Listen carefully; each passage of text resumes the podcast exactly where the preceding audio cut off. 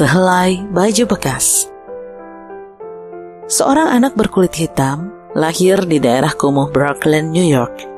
Ia melewati kehidupannya dalam lingkungan miskin dan penuh diskriminasi. Suatu hari ayahnya memberikan sehelai pakaian bekas kepadanya. Nak, menurutmu berapa nilai pakaian ini? Tanya sang ayah. Anak itu menjawab, ya mungkin satu US dollar ya. Bisakah dijual seharga 2 dolar?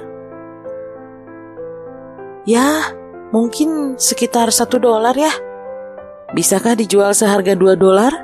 Jika berhasil berarti engkau telah membantu ayah dan ibumu, ujar ayahnya. Ya sudah, saya akan mencobanya, tanggap sang anak. Lalu ia membawa pakaian itu ke stasiun kereta bawah tanah dan menjual selama lebih dari enam jam. Akhirnya, ia berhasil menjual dua dolar dan berlari pulang. Kemudian ayahnya kembali menyerahkan sepotong pakaian bekas kepadanya. Coba, sekarang kau jual seharga 20 dolar. Bagaimana mungkin ya? Pakaian ini paling hanya 2 dolar saja. Sahut si anak kepada sang ayah. Ayahnya berkata, mengapa kamu tidak mencobanya dulu?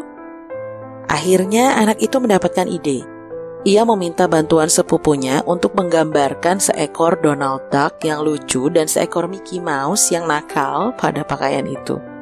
Ia lalu menjualnya di sekolah anak orang kaya dan terjual 25 dolar. Ayahnya kembali memberikan selembar pakaian bekas kepadanya. Kira-kira apakah kamu mampu menjual pakaian ini dengan harga 200 dolar? Kali ini ia menerima tanpa keraguan sedikit pun. Kebetulan, aktris film populer Charlie's Angels, Farrah Fawcett, berada di New York sehabis konferensi pers.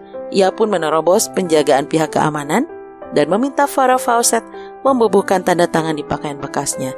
Kemudian terjual 1.500 dolar. Malamnya, ayahnya bertanya, Anakku, dari pengalaman menjual tiga helai pakaian ini apa yang engkau pahami? Ia menjawab, Selama kita mau berpikir, pasti ada caranya. Ayahnya menggelengkan kepala. Engkau tidak salah, tapi bukan itu maksud ayah. Ayah hanya ingin memberitahukanmu bahwa sehelai pakaian bekas yang bernilai satu dolar saja bisa ditingkatkan nilainya. Apalagi kita sebagai manusia. Mungkin kita berkulit gelap dan miskin, tapi apa bedanya? Begitu ujar sang ayah. Sejak itu, ia belajar dengan lebih giat dan menjalani latihan lebih keras.